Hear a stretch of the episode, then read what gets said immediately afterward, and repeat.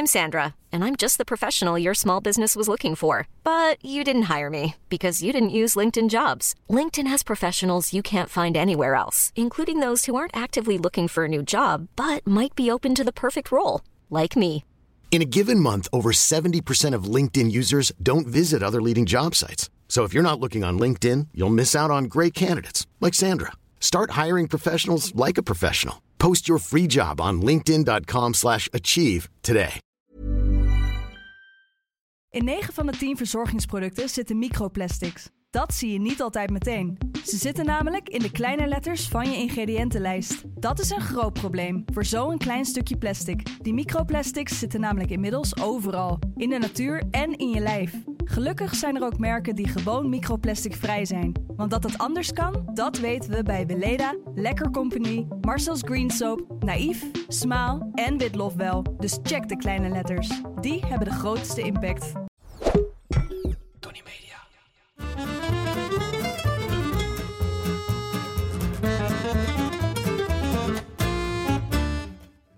Ik ben Julius Jaspers en ik ben meer dan dol op eten. Iedere week pak ik één product uit mijn voorraadkast en zal jullie daar alles over vertellen. Vandaag is dat ui. Sla een willekeurig kookboek open op een recept en de kans is heel groot dat de eerste stap is snipper een ui. Het zal je dan ook niet verbazen dat er per persoon gemiddeld 4,5 kilo ui per jaar in Nederland wordt geconsumeerd.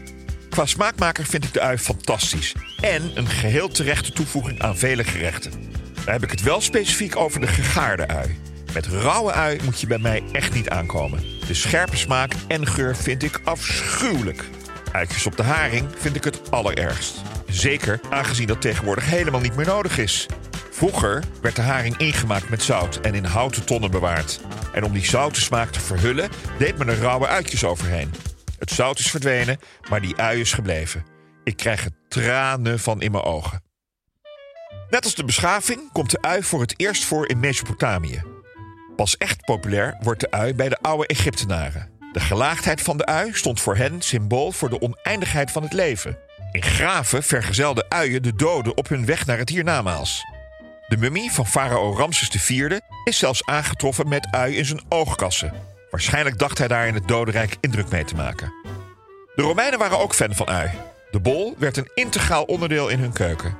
De ui werd ook allemaal geneeskrachtige kwaliteiten toebedicht. Romeinse gladiatoren smeerden hun lichaam ermee in om sterker en sneller te zijn in een gevecht. Vanwege lustopwekkende eigenschappen komt in de boeddhistische keuken nauwelijks ui voor. Opwindende gedachten zijn natuurlijk niet prettig tijdens het mediteren. Zij waren niet de enige. In de middeleeuwen kregen net getrouwde Europese stellen ui cadeau, zodat ze een gezellige huwelijksnacht zouden hebben. Zoals iedere week is er weer een hamvraag die niet over ham gaat. De vraag deze week komt van Eveline underscore H. Beste Julius, die kern in de uien, waar een nieuwe plant uit kan gaan groeien. Wegsnijden of meesnijden? Nou Evelien, als je die uien even laat liggen, dan gaan ze vaak kiemen. Die kiemen die worden wel een beetje bitter, dus die kun je het beste wegsnijden. En de, rest van de ui kun je gewoon gebruiken. Nog twee tips aan het einde, Evelien. Eh, die uien bewaar ze niet in de ijskast, maar gewoon op een koele donkere plek. En liever niet naast de aardappelen, want dan heb je allebei eh, de producten die gaan rotten. Je hebt uien in alle soorten, maten en kleuren. Ronde, ovale, langgerekte, witte, rode, gele en groene. De gele ui is in Nederland de meest gebruikelijke ui en ook meteen het meest pittig. Zodra deze ui gebakken wordt, karamelliseren de vele suikers en komt zijn zoete karakter omhoog. Deze allrounder kan eigenlijk overal bij. Denk aan sauzen, soepen, groenten, vlees en een lekker stoofschoteltje. Nederland is een van de weinige landen die de ui ook rauw gebruikt. In andere landen vinden ze hem veel te scherp. En ik moet zeggen, dit is het overwegen tot emigreren waard. Dan heb je ook nog een speciaal soort ui, de shallot. Als je in Frankrijk de shallot een ui noemt, heb je de kans dat ze de guillotine weer tevoorschijn halen. Een shallot groeit uit een bol en een ui groeit uit een zaadje. Dat die geniepige Nederlanders een shallot zo hebben veredeld dat ze uit een zaadje groeien, vinden ze in Frankrijk misdadig. De ui is niet alleen gezond, het heeft ook wat negatieve bijwerkingen, maar dan met name voor je omgeving. Zo zorgt ui voor een niet zo prettige adem. Gelukkig reikt de natuur de oplossing aan. Neem een hap uit een bos peterselie en er is niks meer aan de hand.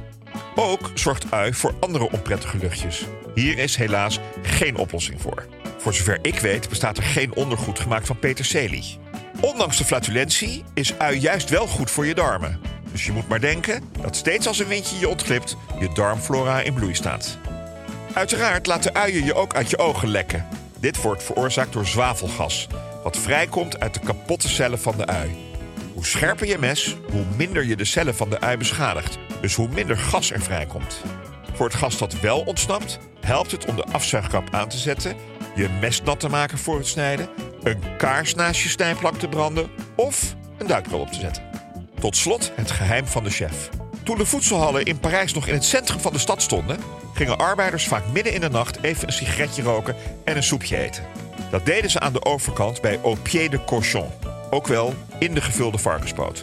Waar ze allemaal de soep à l'oignon namen, gegratineerde uiensoep. Ui, ui en nog eens ui. Met bouillon en met kaas gegratineerd stokbrood. Verder heb je eigenlijk niets meer nodig. Wil je dit zelf een keer maken? Klik dan op de link in de beschrijving van deze aflevering voor het recept. Dat was hem over uien. Zeker niet alles, maar best wel wat. Wil je meer weten over iets in je voorraadkast? Of heb je een hamvraag die niet over ham gaat? Stuur dan op Instagram een bericht naar Julius Jaspers.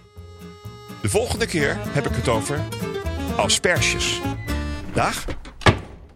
In 9 van de 10 verzorgingsproducten zitten microplastics. Dat zie je niet altijd meteen. Ze zitten namelijk in de kleine letters van je ingrediëntenlijst. Dat is een groot probleem voor zo'n klein stukje plastic. Die microplastics zitten namelijk inmiddels overal, in de natuur en in je lijf.